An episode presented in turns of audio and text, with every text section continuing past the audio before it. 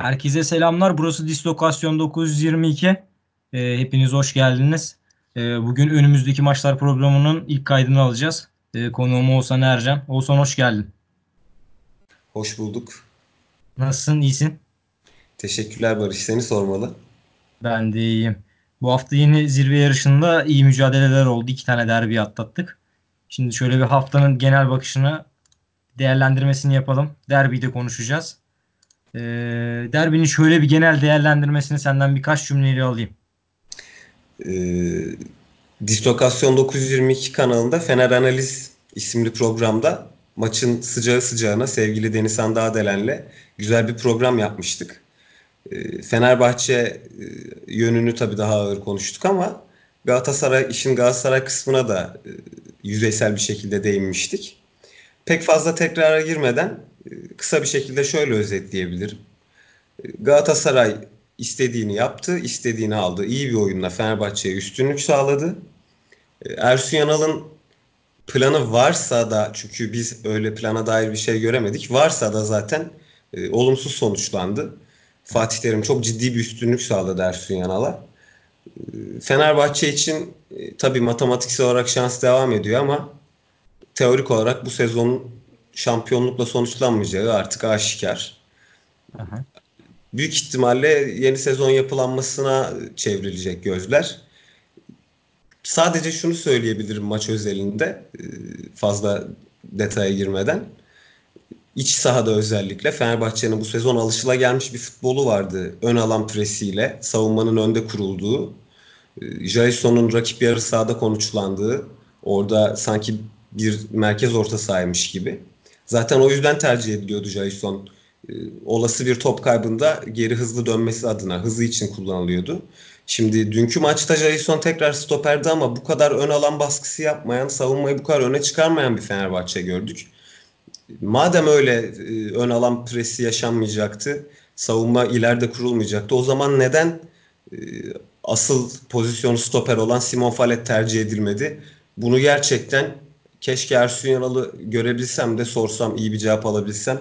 Bu benim anlayamadığım noktalardan bir tanesiydi. Yani eğer böyle oynayacaksa Fenerbahçe Hı savunmayı çok ileri çıkarmayacaksa, ön alanda şiddetli bir pres yapmayacaksa Galatasaray'a karşı bari e, Simon Fallet stoperde başlasaydı çok ciddi maç eksiği ve fiziksel eksiği bulunan Tolga Arslan'ın yerine de Jason merkez orta sahada hatta ön libero pozisyonunda tercih edilseydi Hı-hı. diye düşünüyorum. Hı-hı. Anladım.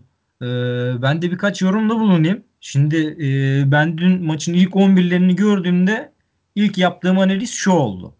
Galatasaray dedim buraya kazanmaya geliyor. Yani ilk Fatih Terim'in 11'inden anladığım oydu. Galatasaray dedim buraya gerçekten kazanmak için bir 11 çıkarmış. Onun için geliyor. Fenerbahçe'nin 11'ine baktığımda e, amiyane tabirle neredeyse 2.5 e, forveti var. 2.5 hücum hattı var. Yani Vedat Muriç, Arkasında Max Kruse yarım olarak da Dirar'ı sayabiliriz. O da ilk dönemki Fenerbahçe'de sağ çıktığı görev almıştı. Ay kocaman döneminde orada da görev alıyordu. İki buçuk. Şimdi bunun üzerine çıkamayacak bir hücum planı ya sahaya 11 ile çıktı daha doğrusu. Hücum planı demeyeyim. İlk 11 ile çıktı. Kadıköy'desin. Ee, çıkardığın 11 çok tartışmalı bir 11. Hasan Ali Kaldırım'ı e, önceki yayınımızda da Karman programında da konuşmuştuk. Zaten beklediğimiz bir hamleydi.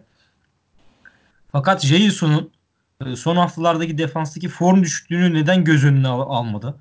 Ersun Yanal bu büyük bir soru işareti. Yani orta sahaya e, Jason'u koysa daha verimli bir e, orta saha hattı kurmuş olacaktı. Veya Deniz Han abi de yayında belirtmişti Karman programında. Orta sahaya Tolga ciğerciyi çekip sol tarafa bir Ferdi tehdidi koyabilirdi. Sola Ferdi'yi koysa e, en azından Mariano Sofyan Figuli kanadından Galatasaray çok geldi ve bu tarafı kitleyebilirdi belli bir ölçüde. Mariano'nun çıkışını engellerdi oyun kurulumunda. Ee, ilk 11 tercihi zaten ben Ersun Yanal'ın e, maç başında gördüğümde hatalı buldum. E, Galatasaray tarafına gelirsek beklenilen bir 11 şöyle beklenilen bir 11. Adem Büyükesçen'i şimdi hep beraber burada da konuşmuştuk. Tahmin etmiyorduk. Çünkü çok formda bir Adem Büyük vardı. Onun yerine Falcao yattı. Hadi bu en azından tolerans gösterilebilir. Çünkü Falcao ne olursa olsun büyük bir oyuncu. Büyük maçların oyuncusu. Orada bir Emre Akbaba kesiği geldi ve oraya Belhanda yattı. Şimdi burada soru işaretiydi bu ilk başta. Hoca neyi planladı diye düşündüm ben. Orta sahada topu tutmayı hedefledi. Bunun başka bir açıklaması yoktu. Yani Emre Akbaba çünkü biraz daha ileride konumlanıyor. Belhanda en azından orta alana daha çekilip Ömer Bayram'la beraber bir ikili tandem oluşturdu orta sahada. Ki seride maç başında Lemina'nın görevini üstlendi. Seriye bir ayrı parantez açayım. İnanılmaz bir maç oynadı. Defanstan çıkışlarda e, oyun kurulumunda muhteşem bir maç çıkardı. Beklentilerin de fazlaca üzerindeydi. Maç başladığında Kadıköy atmosferinde hepimizin beklediği Fenerbahçe'nin bir ön alan baskısını bekliyorduk. Daha demin sen de değindin Jason'u öne çıkarıp hem geriden oyun kurulumu hem de önde pres. Jason'u kısmen de orta saha gibi kullanıyor Ersun Yanal. Fakat Kadıköy'de olmasına rağmen maç Ersun Yanal bu taktiğe de gitmedi. Galatasaray ilk 20. 20. saniyede hatta Jason'un orada bir boşluğu var. Belki fotoğrafını görmüşsündür. Onyekuru direkt Jason'un arkasına koşu atıyor. İlk 5-6 dakikada Galatasaray 3 tane 4 tane net pozisyona girdi. Yani dediğin gibi Ersun Yanal'ı ben de görsem bir yerde soracağım ilk soru. Yani hocam bunu öngöremedin mi? Yani Onyekuru'nun maçta oynayacağı çok yüksek ihtimalle belliydi zaten. Galatasaray'ın da onun üzerinden bir oyun planı şekillendireceği de belliydi. Yani bunu nasıl öngöremedi Ersun Yanal inanılır gibi değil. Onun harici Fenerbahçe öyle bir baskı yedi ki Galatasaray bu konuda dersinde çok iyi çalışmış. Ne ön alanda basabildiler ne geride sağlam durabildiler. Galatasaray çıkışlarında defanstan o kadar rahat top çıkardı ki seri merkezde. Mü- müthiş toplar çıkardı ve hücum planını da çok iyi şekilde işledi. Onyekuru'nun 90 dakika geneline hatta 10 dakikalık artıyla 100 dakikalık geneline baktığımızda 6-7 tane karşı karşıya pozisyonu var. Ee, Ersun Yanal bu konuda inanılmaz başarısız bir 11 tercih. inanılmaz başarısız bir maç içi oyuncu değişiklikleri de hatalıydı. Orada da bir müdahale yapmadı. Yani Tolga Yarslan'ın maça başlaması bir skandaldı yani. Bu kadar formsuz bir oyuncu nasıl 11'e attı? Ben hala inanamıyorum. Ayrıyeten 45. dakikada dedim herhalde Ersun Yanal Tolga, Tolga Yarslan'ı kenara alır. Ee, Ferdi dedim yandan alabilir. Bir kanada oraya atılır. Tolga Ciğerci dedim çekebilir. Öyle aklıma geldi. 55-60'a kadar Tolga Yarslan'a sabretmesi gözlerden kaçmadı. Ondan sonra zaten Fenerbahçe belli bir süre bastı. Ee, hani bu konuda da sıkıntı yok. Fatih Terim de belli bir süre geri çekildi. Ama sürprizden Onyekuru'nun bir patlayıcı gücünü kullandığı bir atak. Üzerine bir penaltı. Ondan sonra Fenerbahçe zaten darmadağın oldu. Deniz Türüç'ün yaptığı e, Belhanda'nın yaptığı zaten o tarafı hiç konuşmuyorum da Deniz Türüç'ün bu kadar amatör davranması böyle bir derbi atmosferinde hani yüksek nabız artık ona yoruyorum. Ee, böyle bir hareket yapması Fenerbahçe adına büyük bir eksi yazdı. Çünkü maç 11-10 dönse skor her ne kadar 2-1 olsa da Fenerbahçe kendi avantajını lehine çevirebilirdi bu durumu. Ee, Fenerbahçe şimdi Ersun Yanal maç sonu istifa etti diye bir yansıma oldu. E, teyitli bir bilgi değil. Şu an hala takımın başında, takımın hocası. Yani bundan sonra e, Fenerbahçe artık sezonu havlu attı diyebiliriz. 20 senelik de seri bitti. Şampiyonluk şansı matematiksel olarak var demin dediğin gibi. Fakat havlu attı gibi gözüküyor. Psikolojik ve mental anlamda. Ayrıca şunu da yine gözlerden kaçmadı. Geçen programda da belirttim. Fenerbahçeli oyuncuların e, agresifliği hat safhada yani her pozisyonda hakemin üzerine gitmeleri çok garibime gitti. Bir de son olarak değineceğim nokta maç sonu Ersun Yanal cezalı olduğu için e, toplantıya şey geldi. Volkan Kazak geldi yardımcı antrenörü. Yani orada yine hakemlere değindi. Hakem biz neyi konuşalım işte yine hakemin kararları şu bu. Ya yapmayın abi. Yani iki haftadır, üç haftadır oynanmayan bir futbol var ortada. Oynanmaya çalışılan ama oynanamayan bir futbol var. Yani bunun üzeri hakemlerle artık örtülmesin. Yani başlangıç 11'inin ne, neden böyle olduğunu bir açıklasın biri çıkıp. Ben bu konuda böyle düşünüyorum. Sen neler düşünüyorsun? Ee, Tolga Yarslan hamlesi Tolga Yarslan hamlesi öyle bir hamleydi ki şimdi bazı büyük oyuncular vardır. Ee, sahada pozisyon olarak kendisine yakın olan oyuncuların değerini arttırır. Luis Gustavo böyle bir oyuncuydu. Luis Gustavo'nun yokluğunda Tolga Yarslan'ın orada tercih edilmesi bütün Fenerbahçe orta sahasının ve e, takım savunmasının geometrisini bozdu. Farkındaysan e, Tolga Ciğerci de kendi e, performansının alışılayanmış performansının altında bir maçı tamamladı. Ozan Tufan da kendi performansının altında kaldı. Hani bu sadece Tolga Arslan'ın kötülüğü, kötü performansı kendisiyle bitmiyor. Sahanın öyle bir yerinde e, konuşlanıyorsun ki pozisyon olarak yanındaki yörendeki oyuncuların da performansını aşağı çekiyorsun. Ya da işte büyük oyuncuysan, iyi oyuncuysan yukarı e, çekiyorsun performanslarını. O iyi örnek burada Luis Gustavo'dur. Kötü örnek de Tolga Arslan'dır. E, Böyle düşünüyorum ben e, Tolgay hamlesiyle alakalı. Bu konuda kesinlikle haklısın ve dikkatimi çeken şöyle bir şey var. Maçın ilk 10 dakikasında Tolga Arslan'a Galatasaray ufak bir pres uyguladı. Yani markaj yaptı maçın başında. Keza Gustavo oynuyor olsaydı Gustavo'ya 90 dakika yapılacaktı bu pres markaj. Fakat 10 dakika, 15 dakika, 20 dakika oynandı ve baktılar ki hani Tolga Arslan'dan bir yaratıcı oyun kuramayacak Fenerbahçe. Bu çok belli oldu. Tolga yarı sahasına kadar geliyor, top alıyor fakat bir aksiyona giremiyor veya topu alamıyor. Orada sıkıntı yaşadı. Galatasaray'ın da büyük avantajı oldu Tol Tolga Arslan hamlesi. Ben bu şekilde düşünüyorum. Var mı derbi hakkında başka düşünceleri? Genel hatlarıyla bu şekilde ele aldık. Aynen. Şimdi buradan diğer derbiye atlayalım. Cumartesi gecesi e, şahane bir maç oldu gerçekten. Beşiktaş-Trabzonspor. E, bir futbol şöleni oldu. Maç skoru 2-2 bitti.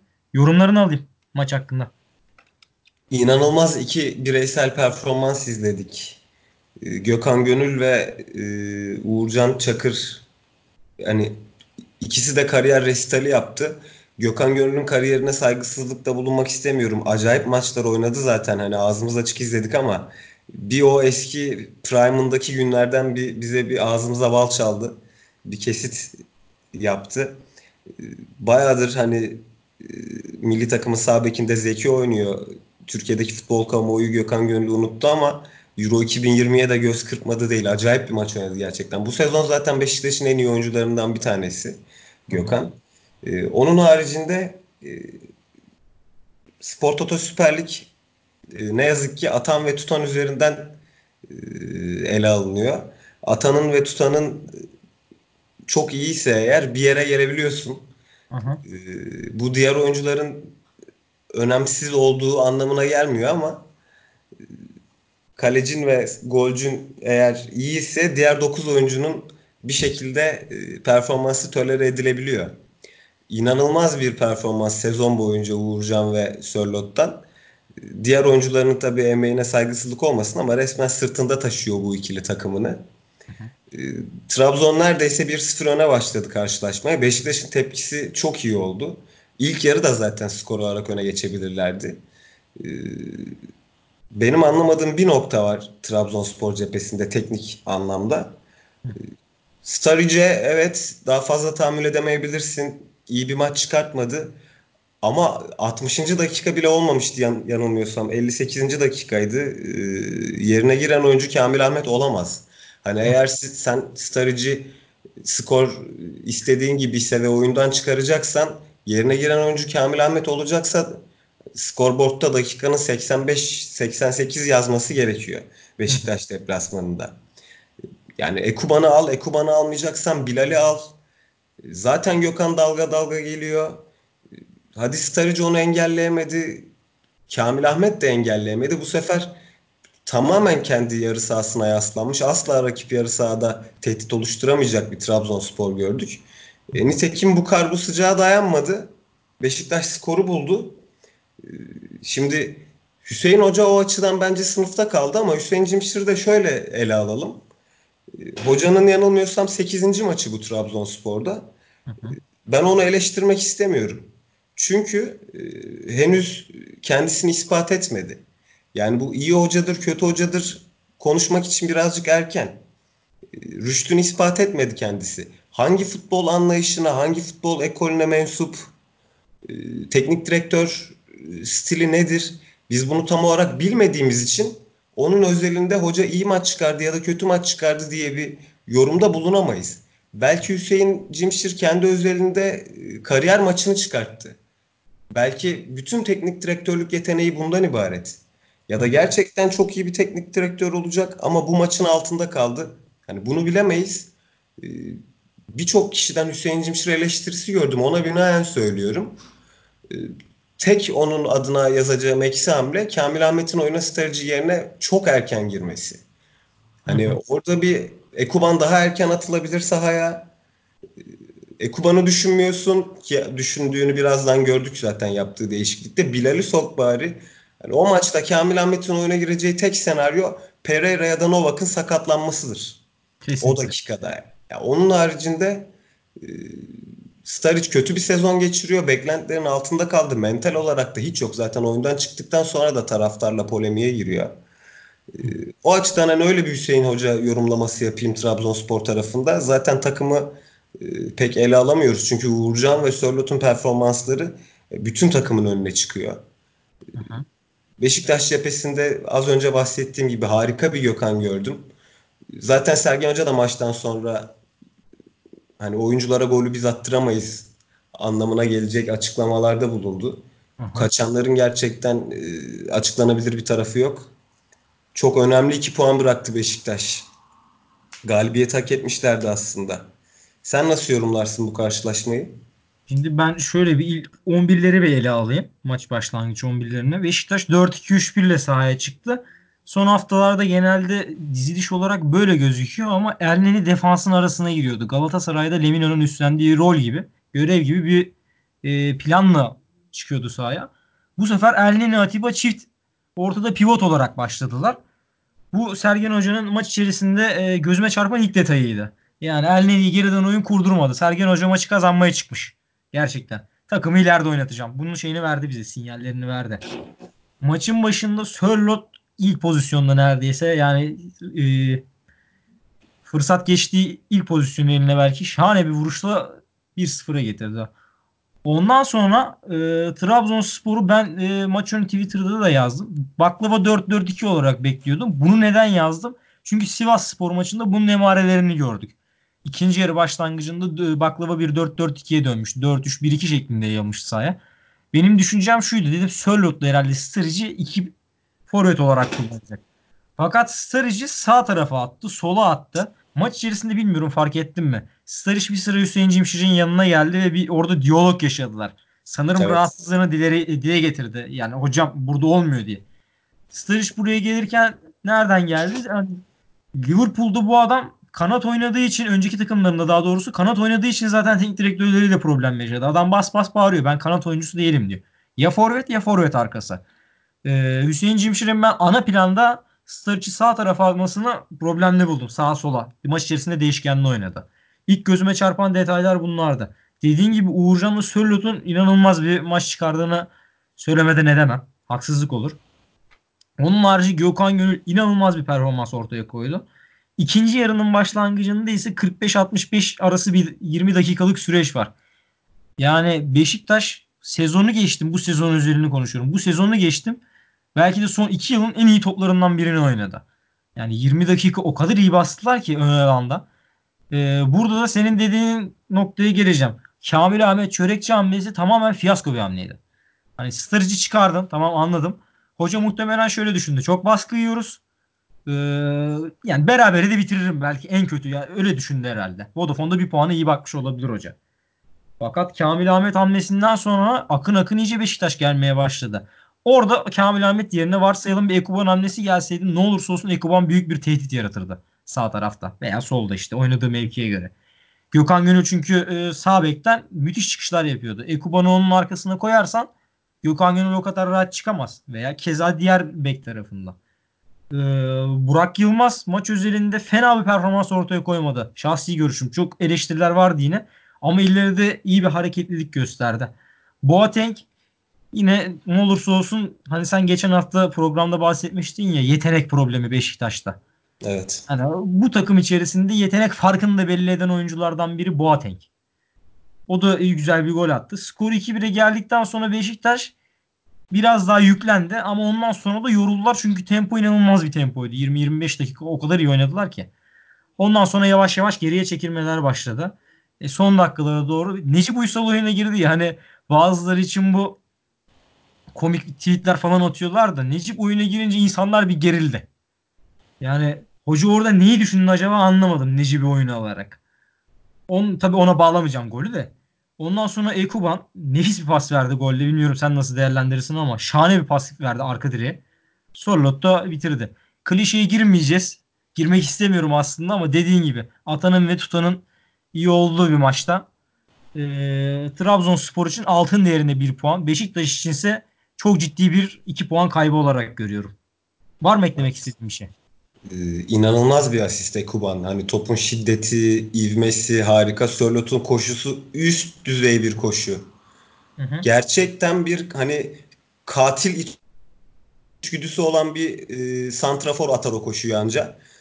Doğru yerde topun doğru hızı, doğru şiddeti hepsi bir araya gelince zaten tertemiz bir gol çıkıyor ortaya. E, Necip hamlesine gelince Enkudu devam edemeyeceğini belirtti kenarı. E, Aynen. zaten şöyle kenara baktığın zaman o orada Necip'i oyuna sok- sokma e, hani şeyi hamlesi yanlış değil bence. Hı hı. E, çok da iyi, çok da akıllıca bir faul yaptı. Sarı kart gördü, hızlı atağı kesti. Hatırlıyorsun sen de. Aynen. E, golün yenilen golün Necip'le alakası tabii ki yok pozisyon gereği ama Tabii ki e, yok. şöyle bir şey var. Şimdi defalarca Uğurcan'ı geçemedi e, Beşiktaş. Henüz skor üstünlüğünü almadan önce. Maçı 2-1'e getirdikten sonra ister istemez bir mental rahatlık oldu. E, Bunu rehavete bağlamayacağım ama hani aldık skoru en sonunda diye bir e, o duygusal bir boşalma söz konusu orada. E, hı. 2-1'den sonra da defalarca pozisyona girdiler ama orada işte bir önceki yayında bahsettiğim yetenek problemi ile karşı karşıya kalıyoruz. Hı hı. Diaby'nin kaçırdıkları, Enkudu'nun kaçırdıkları hani Diaby'nin kaçırdığı, kaçırdığı pozisyon zaten bir skandal yani. Üzerine sonradan gol yediler hemen üzerine. evet evet evet bazı pozisyonlar vardır ya e, atmanın kaçırmaktan zor olduğu pozisyonlar. Onlardan hani bir tane falan yaparsın maç boyunca. Hı. Burada üç dört tane yaptı Beşiktaş. Kesinlikle. O açıdan altından daha değerli bir puan olabilir aslında Trabzonspor adına. Yani maç eksiği de olmasına rağmen yine üst sıralarda tutunmayı başardı. Hatta maç Evet. fazlasıyla liderliğe yükseldi o gün özelinde. Yani Trabzonspor sadece son yorum olarak Trabzonspor hakkında yani topun arkasında ben iyi duracaklarını tahmin ediyordum. Sivas maçında bir 20 dakikalık kısımda çünkü bunu belli ettiler. Fakat sen daha demin dedin ya Hüseyin'cim şu şu an için hani eleştiremem. Oyun planını daha göremedik. Daha ne yansıtmak istediğini sahaya diye. Ama iki haftadır, üç haftadır da e, geliyorum diyor yani. Geriye kapandığında takım. Karşı takım kimse. Geçen hafta Sivas, bu hafta Beşiktaş akın akın geliyor. Yani Hüseyin Cimşir'in ilerleyen haftalar için buna bir çözüm üretmesi lazım. Kesinlikle. Bir de şöyle bir durum söz konusu aslında. Ee, Geniş pencereye baktığın zaman bir şekilde biz İstanbul'da maç kaybetmedik. Hı hı. Öyle bir sonuç çıkıyor Trabzonspor adına. Başakşehir'le berabere kaldılar. Fenerbahçe'yle berabere kaldılar. Deplasmanlardan bahsediyorum. Beşiktaş'a da yenilmediler. Galatasaray'a gidecek. Tabii o çok önemli bir karşılaşma olacak onlar adına. İki taraf adına da. Sadece onlar adına değil. iki taraf adına da. Böyle e, görüşlerim bu şekilde bu maç hakkında. Teşekkür ederim. Şimdi derbileri bitirdik. O zaman haftanın diğer maçlarına geçelim. Sivasspor, Alanyaspor. Bir Bunlar Ankara derbimiz var. Onu birazdan konuşacağız. aynen o, ona sonra geleceğiz. Sırayla gidelim. Sivasspor, Evet. Alanyaspor. Aytemiz Alanya Spor Lig'in sıfırı belki de en iyi oynayan takımı ama e, geri düştükten sonra da verdikleri tepki çok iyi olmuyor. Oyuncu yapısı ve oyuncu sistemi, e, oyuncu yapısı ve oyun sisteminden dolayı. Golü de çok erken kalesinde gördükten sonra e, 9. dakikada penaltıdan Mert Hakan. Ya bu arada hani Kolkır penaltıyı yaptırıyor. Sarı kart gördü. Yanılmıyorsam 15. dakikada mıydı? 20. dakikada mı ne? İkinci sarıdan nasıl atılmadı onu anlamış değilim. E, maçı tamamlayamaması gerekiyor. Yani İngiltere'de Premier Lig oynamış. Yıllardır ligimizde hani beğenilen bir stoperdir. Çok önemli bir deplasman. Sivas deplasmanında bu kadar pervasızca bir performans. Ee, bu Erol Bulut büyük ihtimalle hani o maç özelinde en şikayetçi olduğu konu Colker'ın performansıdır. Hı E, hı. Geri düştükten sonra e, tepki iyi, iyi gösteremedi Alanya. Zaten e, yerleşik savunmayı açma konusunda problem yaşıyorlar. 0-0 götürdüğü derece maçı e, hızlı ataklarla çok tehlikeli e, oyunculara sahipler. Ama geri düşünce rakip birazcık daha temkinli oynamaya başlayınca yerleşik savunmayı set oyunuyla açma e, konusunda çok yetenekli bir takım değil. Hı hı. Hani orta sahada da Salih'in eksikliğini o konuda hissettiler. E, Ceyhun da yok zaten. E, kaldılar Musa Çağıran'a. Bu da takımın en önemli e, gücünden olan o fiziksel orta sahadaki fiziksel direnç seviyesini azaltıyor. Alanya buraya nasıl geldi? Siopis ve Ceyhun'un orta sahada top rakipteyken neredeyse stoperi dörtlemeleriyle e, Colker Wellington önünde hani o hattı aştıktan sonra Colker Wellington hattını aşasın ki kaleci Marafona'ya ulaşasın. Orada öyle bir saha geometrisi var Erol Bulut'un. E, birkaç haftadır bundan da e, uzak kaldılar. Ceyhun'un yokluğunu çok arıyorlar. Geçen hafta Gençler Birliği'ne kaybetmişlerdi. Çok önemli bir fırsatı tepmişlerdi. Bu hafta da Sivas deplasmanında e, zirve e, yarışında telafisi olmayacak bir puan bıraktılar. 3 puan bıraktılar. Bir karşılaşma oldu. Sivas kötü başlamıştı ligin ikinci yarısına. Bu galibiyete çok ihtiyacı vardı Sivas Spor'un. 3 puanı alıp harbiden cebine koydu yani takım. E, sonuna kadar savaşmaya devam edecekler. Kupadan da elendiklerini göz önünde bulundurursak çünkü. E, bundan sonra yapacakları en iyi şey ligi ilk dörtte bitirmek olur. Aynen ligi ilk dörtte bitirmek onlar için bu sezon üzerinde bir başarı olur. Ha, belki Çok daha, ciddi bir başarı olur. Çok ciddi bir başarı olur. daha yukarıyı da hedefleyebilirler. Sivas özelinde Sivas 4 maç sonra kazandı. Yani bu Evet. mental, mental anlam, psikolojik anlamda onları bir tık da ileriye taşıyabilir. Orada sadece benim takıldığım nokta yani takıldığım dediğim Mert Hakan Yandaş gerçekten bu sezon şahane top oynuyor. Fakat B planı olarak, C planı olarak e, Rıza Çalınbay'ın böyle alternatifleri çabuk geçemiyor. Yani maç içerisinde karşı takım Mert Hakan'ı kilitlediği zaman oyun üzeri, onun üzerinden dönmediği zaman Sivas Spor hücumda ve sette ciddi sıkıntılar yaşıyor. Benim gözlemim bu yönde. Alanya tarafına gelecek olursak da geçen hafta dediğin gibi Gençler Birliği maçında büyük fırsat teptiler. Onların da galibiyet hasreti 3 maça çıktı bu maçla beraber. Yani şampiyonluk iddiası belki onlar için çok kuvvetli bir iddia değildi ama üst sıralarda hala söz sahibi olabilmek için son 3 haftada yaşanan puan kayıpları onları ciddi şekilde etkileyecek. Doğru yani mu? şimdi geçen geçen hafta Gençler Birliği'ni kazandıklarını düşünüyorum. Hı hı. Cuma günü Sivas'tan bir puan çıkartsalar aslında 43 yapacaklar. Ee, hiç de yabana atılır bir puan değil. Ligin bu Kesinlikle. durumu göz önünde bulundurulduğunda. Kesinlikle şu an Sivas'la 4. Sivas'la arasındaki puan farkı 6'ya çıktı. Hani iki maç gibi gözükebilir ama ne olursa olsun 6 puan çok önemli bir puan zirve yarışında. Zaten Alanya'nın 43 olduğu düzlemde Sivas da 43'te kalıyor. Aynen Bu öyle. maç berabere bittiği için. Hı hı. Bayağı bir e, şansı olurdu iki takımın da. Aynen öyle. Alanya 3 2 haftadır fırsat tepiyor. Ee, buradan şeye geçelim. Kayserispor Konyaspor maçına. Aman hocam, aman hocam. A- Aman hocamlık maç. Maçı özellikle takip ettim çünkü ilk baş senin yorumlarını dinleyeyim ondan sonra ben kendi fikirlerimi belirteyim. İnanılmaz, inanılmaz bir karşılaşma oldu. Ee, Spor Toto Süper Lig klasiklerinden bir tanesi yaşandı gerçekten. Yani üzerine kitap yazılır, tez yazılır. Acayip bir karşılaşma. Ee, Konyaspor ligin birkaç tane teknik direktör takımı varsa bir tanesi Konyaspor. Sezon başından bahsediyorum.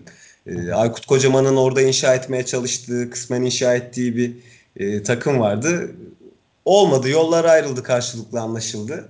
E, Bülent Korkmaz tercihi tabii çok tartışılacaktır. E, değersiz bir teknik adam değil kendisi asla ama şimdi bir yerden sonra futbolda doğru ya da yanlıştan ziyade e, iyi ya da kötüden ziyade daha doğrusu uygun kelimesi öne çıkıyor. Şimdi öyle bir oyuncu yapısı var ki tamamen Aykut Kocaman kendi oyun planına uygun bir kadro oluşturmuş. Zaten bu inşayı hemen 6 ayda bir senede yapmıyorsun. Onun üzerine e, 21. haftada göreve gelen Bülent Korkmaz elindeki bu malzemeden e, kendi oyun planına uygun bir e, harman oluşturmaya çalışıyor ama bunu ne ölçüde başarabilecek? Şimdi geçen hafta Göztepe karşısında e, Aykut Kocaman Konyaspor'una e, binaen Aykut Kocaman Konyaspor'una göre daha fazla hızlı, dikine, direkt bir oyun oynamaya çalıştılar. Skor da buldular ancak e, İlhan Palut'un gelmesiyle ligin en formda takımlarından biri haline gelen Göztepe cezayı ağır kesti. Hı hı. Geçen hafta içeride kaybedilen 3 puan ondan sonra e, bir anda puan tablosuna baktığın zaman tehlike çanları çaldı çalıyor Konyaspor için. E, 20 puandasın. E, 15. sıradasın. Gittiğin deplasman da böyle artık yani 9 canlı kedinin dokuzuncu canında Kayserispor. Canhıraş bir mücadele işte e, evvelki hafta zorla bir puanı çıkarmış. Bir önceki hafta Denizli'yi deplasmanda yenerek hem Denizli'nin yakasına yapışmış hem kendisi yukarı çıkmaya çalışıyor. 3 puandan falan çok daha önemli bir maçtı iki ta- taraf içinde. Maçın başında skoru buldu Konyaspor. Ee, ikiyi de buldular. Ee, büyük kaleci hatası birazcık da şanssızlıkla. Ama Serkan Kırıntılı ligin en tecrübeli kalecilerinden, Konyaspor'un en tecrübeli oyuncularından bir tanesi. Milli takım seviyesine çıkmış bir kaleciye hiç yakışmadı 45. dakikada o gol. Ee, çok ciddi bir kaleci hatası var yani. Resmen ikramda bulundu Kayseri'ye. Aha. E, Bir anda soyunma odasına Kayseri bir acaba ile gitti hani. 60'a kadar maçı 2-2'ye getirirsek e, bütün ivmeyi, bütün o taraftar desteğini, bütün o mental gücü arkasına alacak. Neden buradan bir 3 puan çıkaramayalım? E, Hani Serkan gerçekten orada ölüyü diriltti. Nitekim ikinci yarıya Kayseri çok hızlı, çok etkili başladı. Üst üste kornerlerden, duran toplardan tehlike yarattılar. E, orada Serkan e, gemisini kurtardı diyebiliriz. E, O e, baskının, Kayseri baskısının arttığı dönemlerde. E, Artık bir yerden sonra Prosineçki tabii e, riskin dozajını arttırıyor. Zaten e, Bülent Korkmaz da Turam'a gitti maçın son bölümünde. Atletik, fuleli, e, dinç, hızlı, topu ileri taşıyabilecek, açık alanı e, çok iyi değerlendirebilecek bir oyuncu. O da devre arasında takıma katılmıştı. Etkili bir oyuncu çünkü bu sene e, Forvet'te Riyad Bayiç'ten hiç verim alamıyorlar. Aynen. Ligin ligin çok ciddi bir e, döneminde Ömer Ali'nin en uçta oynadığı bir Konyaspor izlemiştik. Hani Aykut Kocaman da zaten ümidi kesmiştir Riyad Bayiç'ten. Devre arasında o yüzden Turam'a gitmişlerdi. E, inanılmaz bir pozisyonda Turam e, topu içeri atamadı. Sapunaru çizgiden çıkardı topu. Dönen topta Konyalılar topa daha dokunamadan Henrique çok iyi bir gol attı. Maçı 2-2'ye getirdiler. Eskaza Kayseri 3'ü bulsa yani Konyaspor acaba kafile, teknik heyet, camia, şehir e, nasıl bir haleti ruhiyeye bürünür? Onu e, tahmin dahi edemiyorum. Aha. Hani madem 2-0'dan yakalandık bari e, bir puanı cebimize koyalım diye son maçın e, uzatmalarla birlikte de 2-2'ye geldikten sonra uzatmalarla birlikte de bir 5-6 kısmını 5-6 dakikalık bir kısmını öyle yarı telaşlı yarı panikli bir şekilde bitirebildiler. Genel anlamda aslında maçın hakkı beraberlikti evet ama e, deplasmanda 2-0 öne geçip e, neredeyse Kayserispor'un küme düşmesini e, kesinleştirip hani o 3 takımdan bir tanesini tayin ettikten sonra e, hani galip geldiği takdirde de 23 yapacaktı çünkü Konya. O fırsatı değerlendiremedi, o şansı değerlendiremedi. İşte Aha. bahsettiğim gibi işte 2-0'ı bulduktan sonra e, 3 puan çok değerli ama maç 2-2'ye geldikten sonra da bir puan çok değerli hale geliyor Konya için. Aha. Yani öyle bir maç oynandı ki belirli başlı dönemlerde senaryo tamamen değişiyor. Takımların istedikleri tamamen değişiyor. Şimdi 2-0 öndeyken burada bir puana razı olur musun diye bir soru yöneltisi örnek veriyorum. Tabii böyle bir imkanımız yok da Bülent Korkmaz için. E, Ne münasebet diyecek tabii doğal olarak ama maç 2-2'ye geldikten sonra aman abi burada kaybetmeyelim çünkü kaybedeceği şey sadece 3 puan olmayacaktı Konyaspor'un. Ya buradan eli boş döndüğünde Kayseri az önce işte bahsettiğim gibi e, bütün şehir kenetlenecek, takım kenetlenecek. İkinci Prosineçki dönemi e, işte bu sene de ligde kalalım seneye bu sezonun başında yaptığımız hataları yapmayacağız. Bunlar konuşulacak yerel basında. E, Öyle düşünüyorum hani Öbür taraftan da e, Konya camiasında şöyle bir şey. Zaten camiada da taraftarda da şehirde de büyük bir çoğunluk hala Aykut Kocaman'la yolların ayrılmasından e, şikayetçi. Bunu kabul edebilmiş değil. E, bu sefer yeni teknik direktör iki maç sıfır puan. Hani Kayseri'nin galibiyet üzerine konuşuyorum ya şu an. E, Aha. iki maç sıfır puan. Çatlak sesler, bir kaos. E, bu nereye götürürdü Konya'yı? Bunu asla bilemeyeceğiz bu maçı kaybetmedikleri için ama o açıdan gerçekten ne kadar konuşsak üzerine neler söylesek e, az kalacak. Çok acayip bir e, karşılaşma izledik.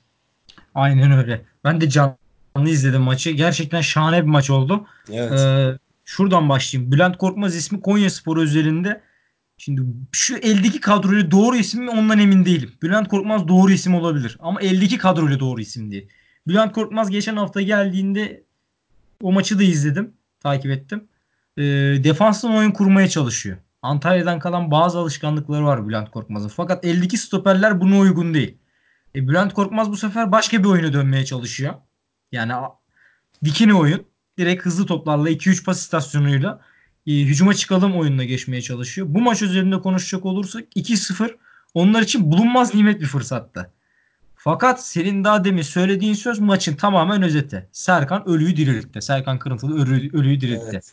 Ya Serkan Kırıntılı gibi profesyonel bir insan milli takım seviyesinde bir kaleci dakikanın işte ilk yarının tam son dakikalarıydı. Tam dakikasını hatırlayamayacağım yanlış bir şey belirtmeyeyim. Yani o kadar basit bir toptan hani zor bir top da değildi.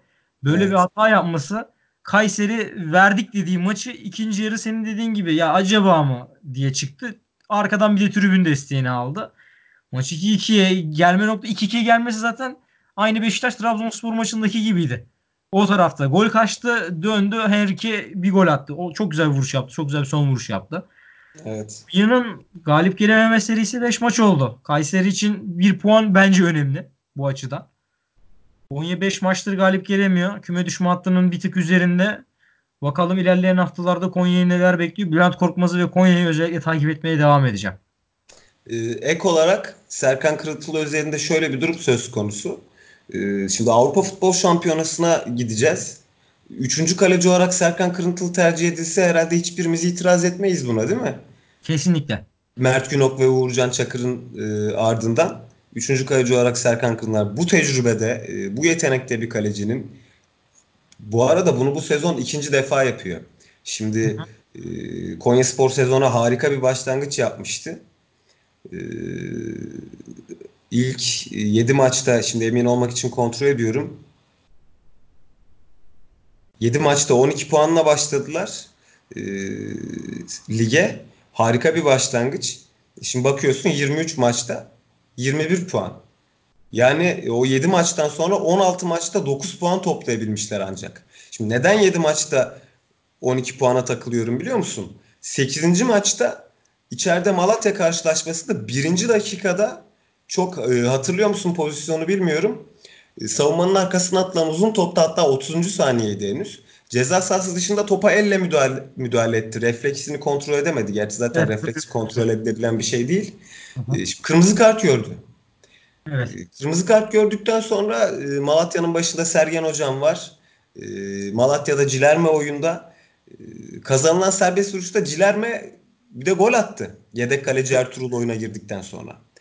Orada çöküş başladı şey adına. Konyaspor adına. E, yedek kaleci Ertuğrul'la Kadıköy'e geldiler. Fener'den 5 yediler. Bu çöküş ondan sonra önlenemedi, önlenemedi, önlenemedi. Ve e, Konya buraya geldi. Şimdi 7 maç 12 puanla başladıktan sonra e, ilk 8'de, ilk 9'da bitirebilecek bir e, başlangıç yapıyorsun lige çünkü. Kulüp özelinde konuşuyorum.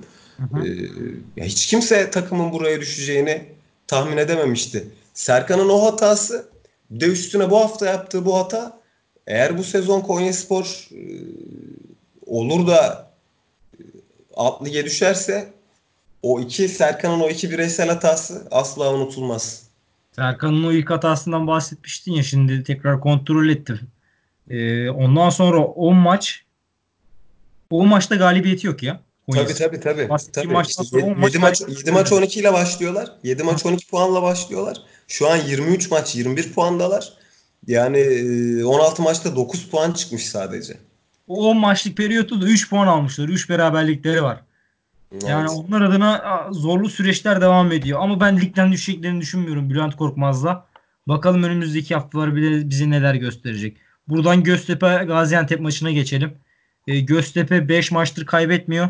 İlhan Palu yönetiminde gel, iyi bir futbol oynuyorlar.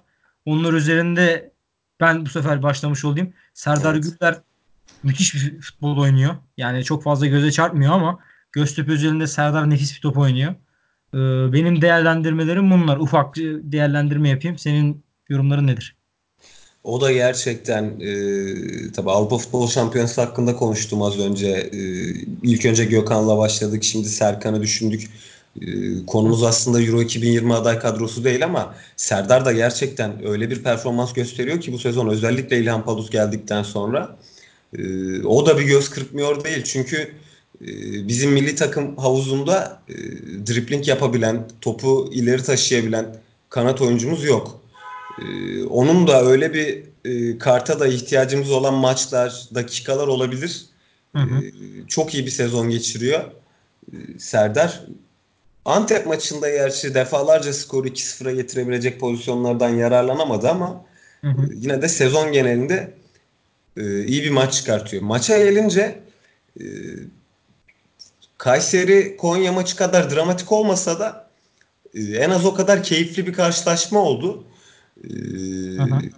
Kaleci Günay'ın hatasıyla Göztepe golü buldu. Gaziantep mağlubiyeti hak etmemişti. O yüzden 90 artıda at- attıkları golle buradan puan çıkartmalarına ben e, sevindim. Çünkü gerçekten maçı kaybetmeyi hak etmemişlerdi. Hani e, iki takımın da defalarca gol pozisyonundan yararlanamadığı bir maçta e, puanların paylaşılması futbol adaletine e, yak- e, yakıştı gerçekten. Son dakikada karambol de olsa önemli bir gol, önemli bir puan. Burada yenilmek istemezsin asla. Hı hı. bakıyorum şu an 31 puan. Nispeten nispeten e, güvenli bir bölgedeler. Birçok gol pozisyondan yararlan- yararlanamadı iki takım da az önce bahsettiğim gibi. Direkten dönen toplar var. Yani bu maça iki buçuk üstü bahis yapmış olsam gerçekten izledikten sonra çok ciddi bir e, hayal kırıklığı, çok ciddi bir üzüntü hissederdim. Hı hı. Var mı Bu başka eklemek? şekilde. Göztepe Gaziantep maçıyla alakalı söyleyeceklerim bu şekilde. Ağzına sağlık. Buradan. Yeni Malatya Antalya maçı. O da dramatik bir sonla bitti. O da acayip bir maç oldu. Ee, Evet. bu maç özelinde zaten maç sonu Kemal Özdeş bildiğim kadarıyla dün istifa etti. İstifasını sundu yönetime. Evet. Resmileşip resmileşmediği hakkında şu an tam bilgim yok. Yanlış bilgi vermeyelim. Ama dün Evet. gece itibariyle e, haber ajanslarına düştü. Ya şunu soracağım yani Yeni Malatya'da Kemal Özdeş hiç mi set oyunu çalıştırmadı ya? Yani 60 dakikaya yakın 10 kişi oynayan bir Antalyaspor var ki Antalyaspor da olağanüstü futbol oynayan takım değil. Ama geride çok iyi durdular ve Malatya ileride set oyununu oynamaya çalışırken o kadar aciz gözüktü ki. Yani aciz dediğim planımız yok abi bizim gibi gözüktüler. Ona veriyorlar. Oradan top dönüyor. Sağa ver, sola ver. Yani set oyununda aşırı başarısızdı. 60 dakika 10 kişi bir Antalya'ya nasıl mağlup edemediler ben şaşırdım. Son dakikada Podolski şahane bir vuruşla maçın sonlarına doğru şahane bir vuruşla galibiyet golünü getirdi. Yani Malatya için dramatik. Kemal Özdeş için ekstra dramatik. Ama Antalya için de şahane bir galibiyet oldu. Neler söylersin? Şimdi şöyle bir durum söz konusu. Ee, az önce aslında e, Malatya'nın da e, Konya ile alakalı bir, bir ortak nokta var. Şimdi e, Kemal Özdeş eski tip, eski usul bir Türk teknik direktör değil. Hı hı. Bu eski tipten, eski usulden kastım hocanın yaşı değil. Yani e, biz Mesut Bakkalları hatırlıyoruz, Samet Aybabaları hatırlıyoruz, Yılmaz Vuralları hatırlıyoruz. Şimdi Kemal Özdeş bunlara nazaran e, belirli bir futbol sistemi, belirli bir futbol bakış açısı, belirli bir futbol ekolü olan bir teknik adamdır. Hı hı. Bugün Fatih Terim'i ayrı tutuyorum. E, O çünkü e, Türk futbolunun e, en büyük markası. Teknik direktör bazında, teknik direktör nezdinde. Fatih Terim'i ayrı tutuyorum. Ligde sezonun başlangıcı itibariyle konuşacağım. İki tane teknik direktör takımı vardı. Konyaspor'un, ay- Aykut Kocaman'ın Konyaspor'u ve Kasımpaşa'nın Kemal Özdeş'i. Şimdi Kemal Özdeş özel bir hoca.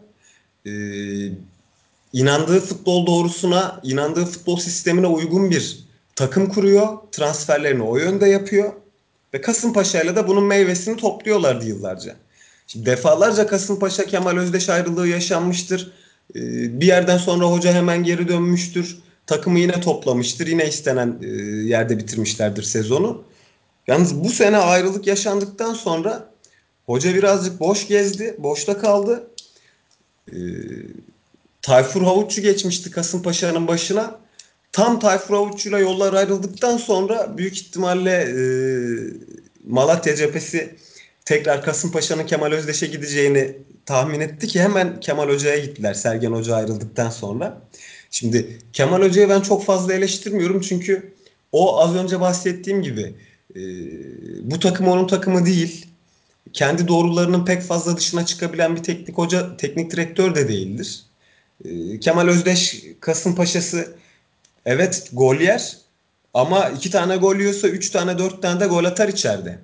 Şimdi şu anki Kasımpaşa'ya bakıyorsun. Gol yeme problemi devam ediyor. Ama gol atamıyorlar. Geçen seneki gibi, ondan önceki sene e, gösterilen performans gibi. Şimdi Konya Spor Aykut Kocaman'dan ayrılırsa hata etmiş olur. E, Kasımpaşa Kemal Özdeş'ten ayrılırsa hata etmiş olur. Kemal Özdeş de zaten başka bir yere giderse özellikle sezon ortasında iki taraf da zarar görmüş olur. E, nitekim bu birliktelik çok uzun sürmedi. Malatya lige nerede başlamıştı? Ee, Avrupa'da e, bir tur elediler hatta Partizan elendiler ondan sonra. Ee, iyi bir başlangıçtan sonra düştükleri durumdan bütün şehir, bütün camia e, şikayetçi durumda. E, sonunu iyi getiremedi. iyi başlangıcı devam ettiremedi yeni Malatya Spor. Şimdi baktığın zaman orada da e, sezon başlangıcının 3 ana aktörü, 3 yıldızı Sergen Yalçın, Adis Yahovic ve Gilerme.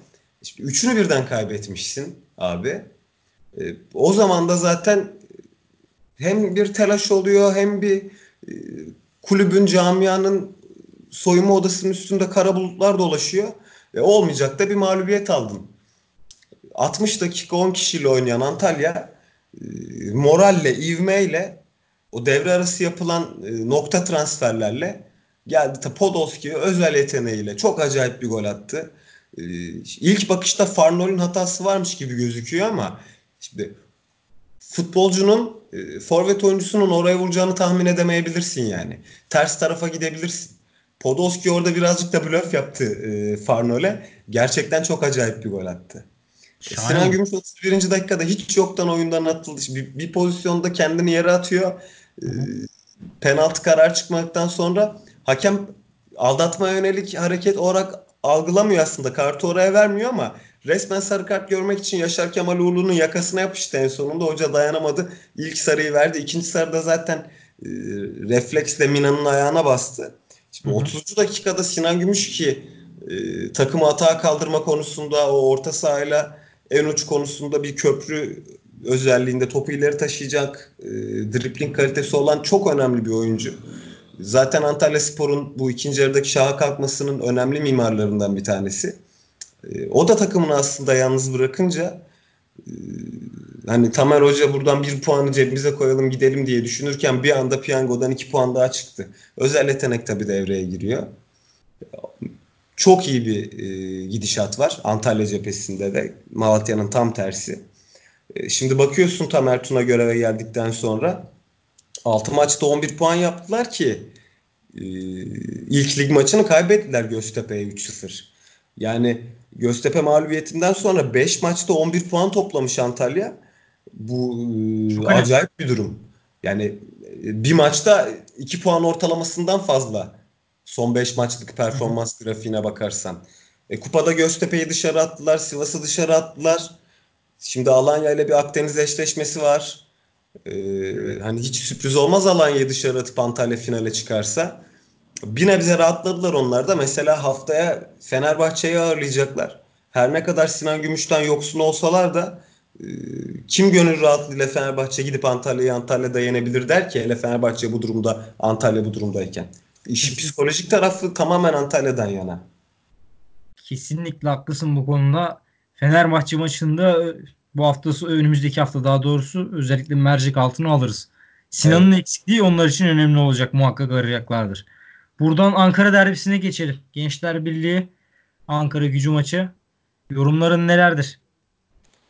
Ankara gücü Reşit Hoca ile kıpırdanma yaşamıştı. Ee, Gençler Birliği de Hamza Hoca göreve geldikten sonra o da iyiye gidiyordu. Arada bir duraklama yaşadı Gençler Birliği gerçi ama e, rövanş aldılar en azından öyle söyleyeyim. Ligin ilk yarısında kaybetmişlerdi. Aynı stadyumda oynanıyor maçlar.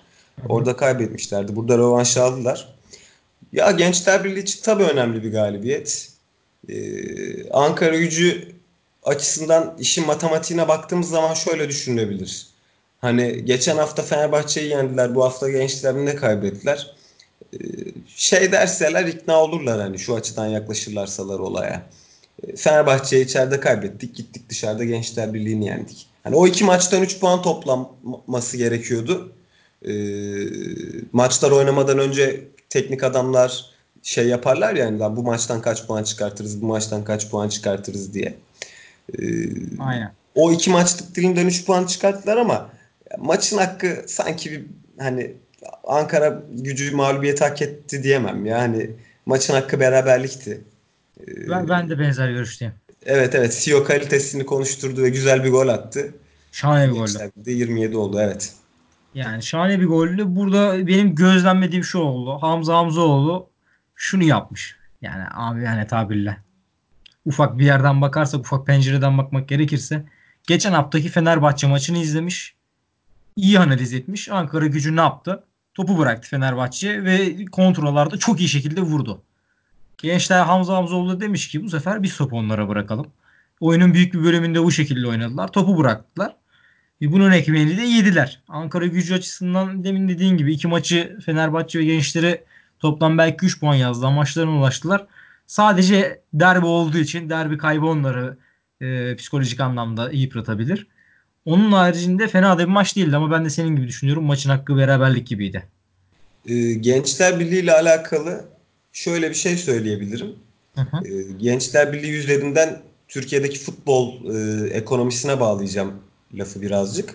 Aha. Şimdi e, bu büyük ihtimalle yayın e, gelirleriyle alakalı bir durum ama e, hiç kimse küme düşmek istemiyor. Bunun tek sebebi prestij ya da alt ligde mücadele etmemek değil. İşin çok ciddi ekonomik boyutu var. E, yayın haklarından gelen gelirler çok ciddi fark e, yaratıyor. Yani bir aşağıda kazanılan parayla burada kazanılan para arasında çok ciddi bir uçurum olduğu için aslında takımlar ligde kalmanın peşinde. Hı Ee, yaklaşık bir 14-15 sezondur küme düşen 3 takımdan yalnızca bir tanesi diğer sezon geri gelebiliyor. E, Kepenk kapatan camialar var. Eskişehir ne halde işte Mersin ne durumda Orduspor neredeyse haritadan silindi. Şimdi hal böyle olunca e, lafı şuraya bağlayacağım. E, 9 Eylül'de e, Kocaeli'nin yeni stadında Türkiye İngiltere ile Ümit Milli maç e, yaptı. Ümit Milli karşılaşması yapıldı Avrupa elemesiyle alakalı. Avrupa elemesi için. Şimdi orada bakıyorsun İngiltere milli takımına, Ümit milli takımına. 6 tane takımlarında, Premier Lig takımlarında ilk 11 oynayan futbolcu var. Şimdi mesela Norwich'in sağ beki Max Aarons ya da e, ön alan oyuncusu, ofansif orta saha oyuncusu Todd Cantwell. Cantwell gerçi o maçta yoktu ama. Şimdi Norwich e, küme düşeceğini bilmiyor mu? Yani küme düşmenin en büyük adaylarından bir tanesi değil mi Premier Lig'de? Evet. Ama aşağıdan yukarı çıktıklarında yalnızca bir transfer yapmışlardı. Schalke'den kaleci Farman'ı almışlardı sezon başında. Devre arasında bir iki transfer daha yaptılar ama şimdi lafı şuraya getireceğim. Ee, Norwich'in küme düşme korkusu yok. Çünkü Norwich küme düştüğü zaman ekonomik olarak iflasın eşiğine gelmeyecek. Küme Evet. düşme korkun olmadığı zaman daha fazla genç yeteneğe e, ilk 11'de şans verip ülke futboluna daha fazla e, hazır oyuncu e, kazandırmış oluyorsun. Hı hı. Neden Gençler Birliği üzerinde söylüyorum şu yüzden. Berat mükemmel bir potansiyele sahip, harikulade bir ön libero oyuncusu. Kesinlikle. Ama Hamza Hamzoğlu göreve geldikten sonra doğal olarak orada Yasin Pehlivan'ı tercih ediyor. Çünkü Yasin Pehlivan Türkiye'deki teknik direktörlerin isteyeceği bir ön libero oyuncusudur. Hı hı.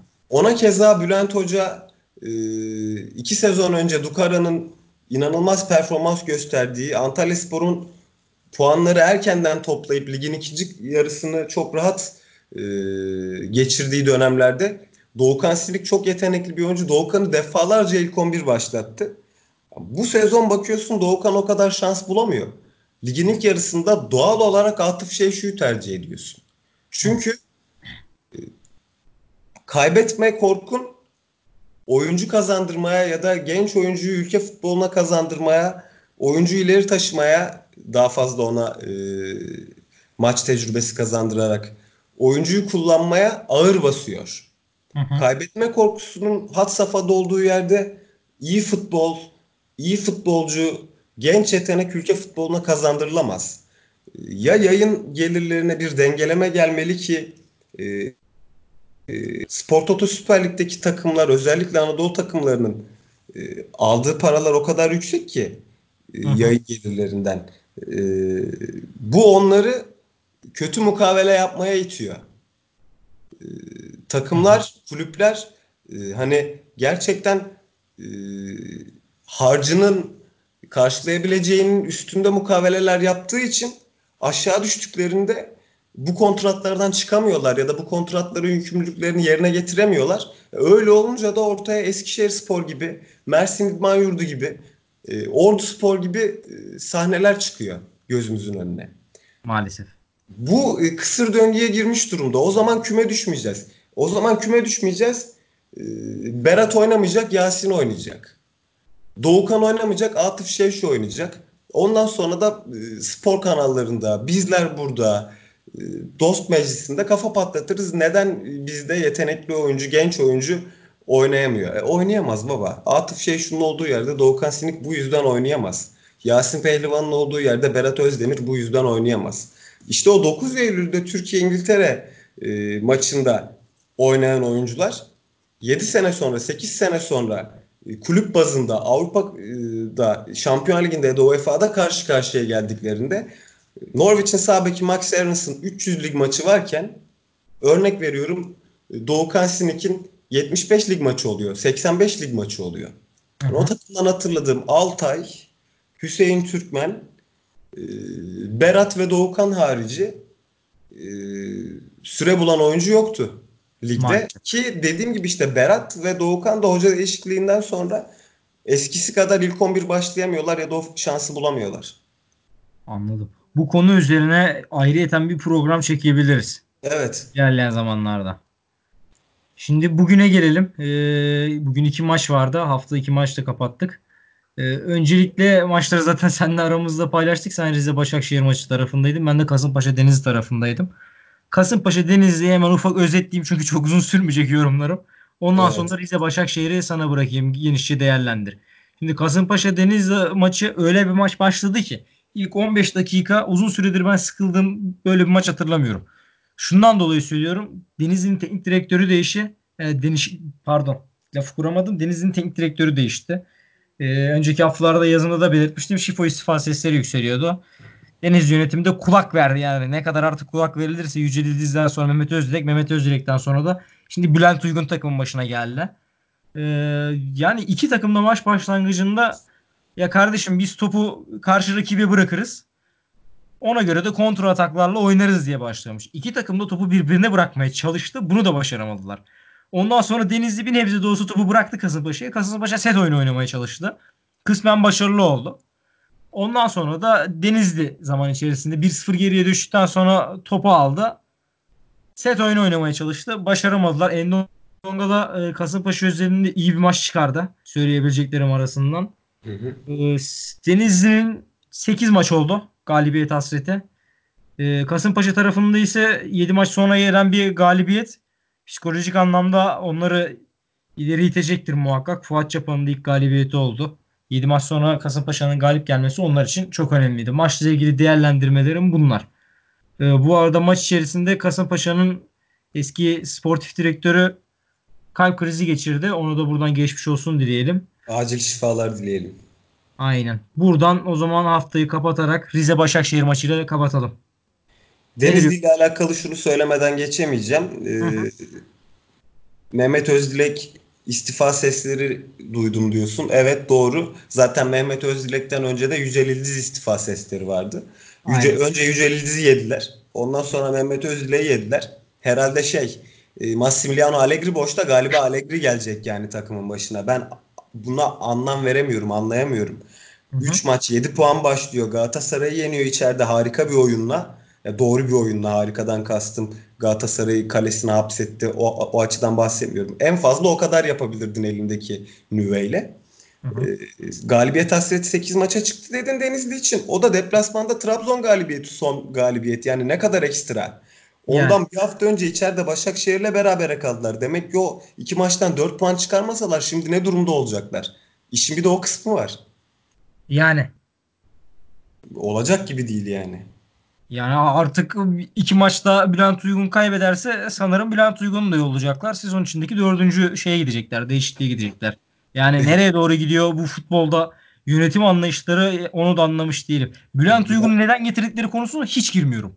Bülent Uygun'dan bu arada şikayetçi olursun ya. Baba haritadan siler yemin ediyorum 3 hafta sonra şeyi e, takımı yani. Ciddi söylüyorum böyle bir tercih olamaz. Aynen öyle. Yani Kayseri skandalından sonra üzerine hemen buraya getirmeleri çok aşırı komik bir durum yani. Anca yaşansa yaşansa Türkiye'de yaşanır durumlarından biri. Evet. Rize Başakşehir hakkında yorumların nedir? Maçı izle- izledin. Değerlendirmeni alayım. Acayip maç izledik. Yani Rize hiç geri adım atmadı. Ee, Visca çok iyi top oynadı. Gerçekten Menyak'a çok zor anlar yaşattı. Ee, benim e, bu maç hakkındaki yorumum hafta arasında Başakşehir'in Sporting deplasmanındaki yorumumdan bağımsız olmayacaktır. Aha. şimdi Okan Buruk açısından yaklaşıyorum olaya. Hoca şöyle bir e, puan durumuna baktığında gerçekten şampiyonluk kokusunu aldı ki e, UEFA'yı hiç istemiyor ya. Ben e, Sporting Başakşehir maçının yalnızca ilk yarısını izleyebildim ama Aha. şimdi e, Edin Visca, Frederick Gulbrandsen, Enzo Crivelli ve Dembaba dörtlüsüyle Sporting deplasmanına çıkmışsın. İki ayaklı bir eşleşmenin ilk maçı. E, şimdi şöyle düşünüyorum. Mert Günok gününde olmasaydı Sporting e, Bruno Fernandes'i devre arasında Manchester United'a göndermeseydi e, ve e, Bolasi ile Vietto biraz daha e, becerikli bir ilk yarı geçirseydi gerçekten skor tabelasında 5'i 6'yı görebilirdik Sporting lehine. E, bu şu anlama geliyor. Şimdi e, Okan Buruk e, böyle bir spor medyasının olduğu ülkede e, yani Avrupa'yı Avrupa'da Türkiye'yi temsil eden tek takım olduğu için buraya rotasyonla çıkamazdı. Şimdi rotasyona gitmiş olsaydı çok sert, çok şiddetli eleştirilerle karşı karşıya geleceği için e, çok ofansif bir takımla or- çıktı oraya ki e, bunu şimdi turu satmak diye e, hoş olmayan bir tabir kullanamayacağım ama muhtemelen maç toplantısında, maç öncesi konuşmasında oyunculara "Ya çıkın oynayın iyi bir sonuç alabiliyorsak alıyoruz ama e, fazla sıkmayın kendinizi. İkili mücadelelerde e, çok sert olmayın ki e, olası bir sakatlık istemiyorum buradan. Bunlar konuşulmuştur büyük ihtimalle çünkü bugün Rize deplasmanında e, ki ilk 11'e bakıyorum, başlangıç 11'ine bakıyorum. Enzo Crivelli kart cezalısı e, 4-2-3-1 ile çıktı sahaya. Alexic'i attı Dembaba'nın arkasına. E, Visca Elia kanatlarda. Yani e, Sporting deplasmanına Visca, Gulbrandsen, Crivelli, Dembaba dörtlüsüyle çıkan adam, çıkan teknik e, direktör Rize deplasmanında böyle temkinli, da, temkinli derken hani olması gereken buydu zaten Crivelli'nin yokluğunda da Aha. oradan tekrar e, benim tezim güçlendi. UEFA'ya bakış açısı açısından söylüyorum Okan Buruk'un ve Başakşehir camiasının. Şimdi e, Enzo Crivelli'nin de kart cezalısı olması iki oluyor bu sezon. 8 tane kart görmüş santrafor. Yani baba gerçekten hani buna nasıl ba- başardın? E, 23 maç 22 maçta 8 bir kere de cezalı olmuş. Yani 21 maç oynamışsın. 8 sarı kartı nasıl gördün santrafor olarak? Bunu da anlayabilmiş değilim. E, değişiklikleri yaptıktan sonra hoca 88. dakikada e, Ponk'un yerine Şikirtel'i soktu sahaya. Şimdi ben şey düşündüm. Ponk biraz aksamıştı. Bari dedim hani e, şöyle düşünüyor. Bir puanı cebimize koyalım da yenilmeyelim burada. Oysa Aha. ki Şikirtel içeri girince çok farklı bir senaryo gördüm. Aklıma Fatih Terim'in e, evvelki sezon Antalya deplasmanında Ryan Donk'a yaptırdığı e, plan, Ryan Donk'la uygulamaya soktuğu plan geldi. Şikirtel'i direkt olarak Dembaba'nın yanına attı. E, geri kalan Başakşehir oyuncularının, merkezdeki oyuncuların, sahanın ortasındaki oyuncuların tamamı bir, e, bir pozisyon geri geldi. Yani e, Alex için yerine oyuna giren forvet arkası pozisyonda oynayan Berkay merkez orta sahaya, merkez orta sahadaki Mahmut da Epuriano'nun yanına stopere geldi. Aha. Şikirtel de ceza sahasında e, topla buluştu. Mükemmel bir vuruş. Evet Yani usta işi bir gerçekten vuruş bir gerçekten bir golcü vuruşu gibi çok acayip bir goldü. Hani e, Okan Buruk doğru kumar oynadığın zaman doğru sonucu alıyorsun abi. Yani bu şimdi bir dün sahaya e, canhıraş bir şekilde Mehmet Ekici'yi atan bir teknik akıl var. Bir de tamamen bilerek, e, bilinçli olarak e, Martin Şikirtel'i en uca konumlandıran bir işte iki tane farklı teknik direktör hamlesini görüyoruz burada. Onu anlatmaya çalışıyorum. Şampiyonluk yolunda, zirve yolunda çok ciddi bir ivme kazandıran bir goldü Başakşehir'e. Aynen öyle. Başakşehir için de altın değerinde bir gol oldu ve maç fazlasıyla Trabzon'un daha doğrusu maç eksiğinden dolayı Başakşehir liderlik koltuğunda. Evet. Ya Okan Buruk e, hani hep derler ya şapkadan tavşan çıkardı falan. Yok yani baba direkt tavşandan şapka çıkardı ya öyle bir hamleydi o yani. Bu şapkadan tavşan çıkarmak değil de olsa olsa tavşandan şapka çıkarmaktır. Aynen öyle. Kritik bir hamle olmuş. Şöyle bir hemen 24. haftanın programına da değinelim. Ufak birer cümleyle yayınımızı kapatalım. Ee, Alanya Beşiktaş maçıyla hafta açılıyor. Hemen bir cümle. Haftanın önemli maçlarından biri olacak bu arada. Çok iyi maç olur. Ee, az önce Alanya hakkında söylediğim gibi maçın gidişatı onlar için çok önemli. Yani e, Alanya öne geçerse Beşiktaş'ı yener. Yani berabere de bitmez ama Beşiktaş'ın ilk golü bulduğu senaryo e, baya baya zor. Hani tahmin etmesi de baya bir zor. Mücadele gücü yüksek, seyir zevki yüksek bir karşılaşma bekliyorum ben. Sen ne düşünüyorsun bu maç hakkında? Ben de aynı şeyi düşünüyorum. Seyir zevki yüksek bir maç olacak. Alanya eğer dediğin gibi öne geçerse skoru rahat tutabilir. Hatta öne geçerse Beşiktaş'tan muhtemelen bir pres yiyecektir. Beşiktaş'ın da geride bıraktığı boşluklar gerçekten önemli boşluklar. Alanya hücum hattı bunları cezalandırabilir. Diğer maça geçelim. Konya Kasımpaşa. Alt sıraları ilgilendiren önemli bir maç. Kasımpaşa ilk galibiyetini bugün aldı. Konya'nın sıkıntılı sürecinden az önce bahsettik.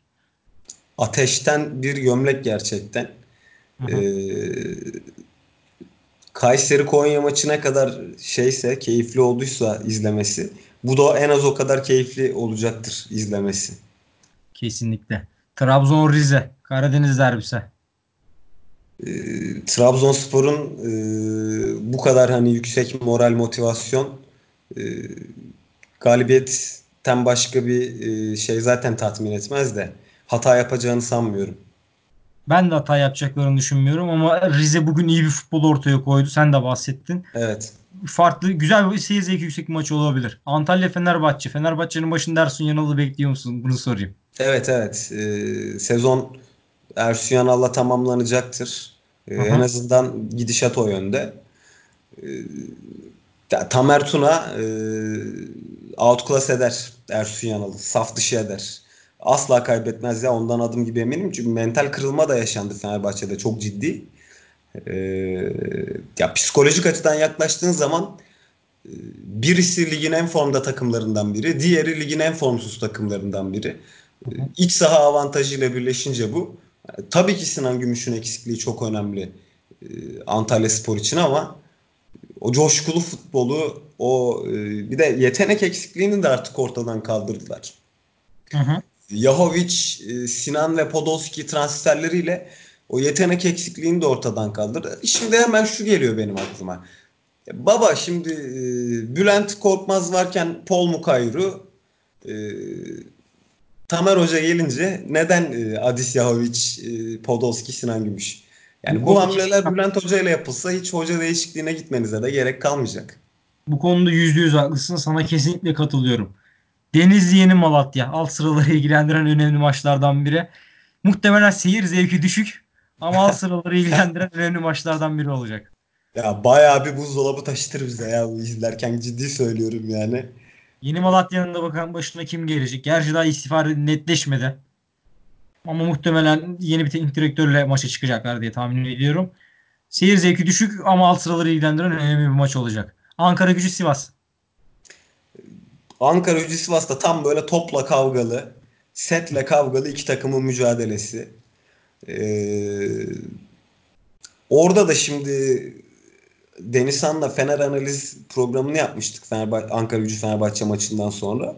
Hı hı. Ee, Ankara Gücü de mağlup duruma düştüğü zamanki oyunu asla oynayamayan tipik bir e, Türkiye Ligi takımı, tipik bir kontra atak takımı. Yani hı hı. burada Sivas Spor skoru bulursa e, farka koşar. Öyle söyleyeyim.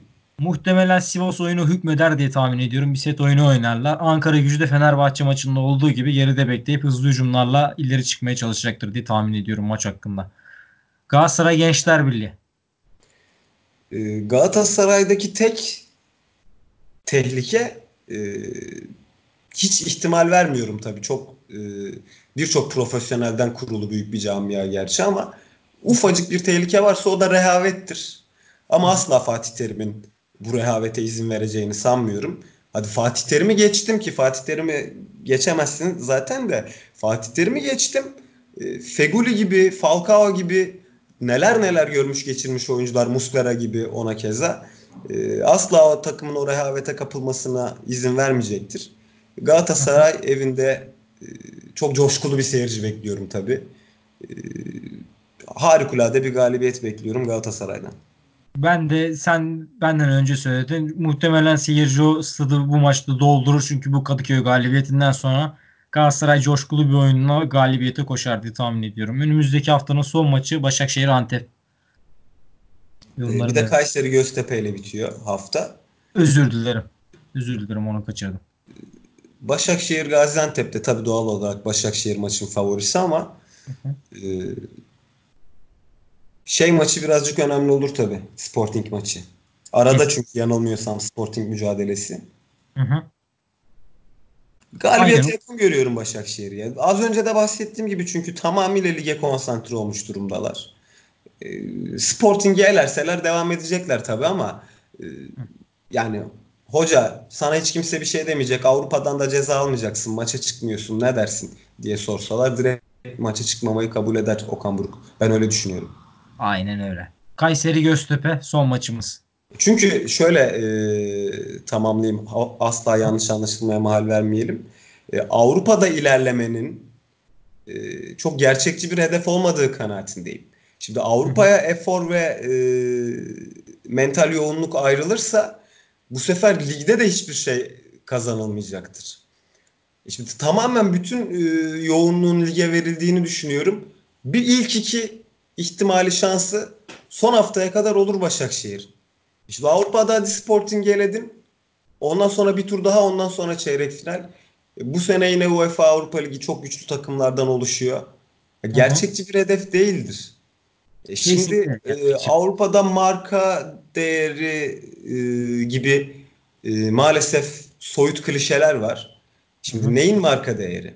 Şimdi Başakşehir e, Sporting'i eleyip bir üst tura çıksa Türkiye'de oynanan futbol daha mı iyi olmuş olacak? Ya da e, Başakşehir'in Avrupa oynadığı için bazı oyuncuları satma durumu söz konusu diye yaklaşsak olaya. Zaten Avrupa'ya gönderebileceğin futbolcu sayısı belli. Göndersen göndersen İrfan Can'ı e, Bundesliga'ya çok yakışır bu arada. İrfan Can'ı gönderirsin. Onu da UEFA Avrupa Ligi'ndeki performansından dolayı değil.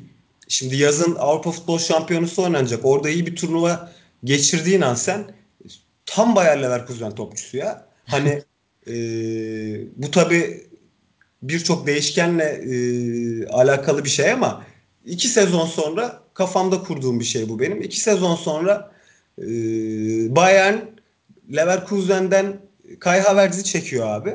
Hı hı. Kerem Demirbay Kai Havertz'in pozisyonuna geçiyor. İrfan Can da şu an Kerem Demirbay'ın oynadığı e, 8 numaraya geçiyor yani.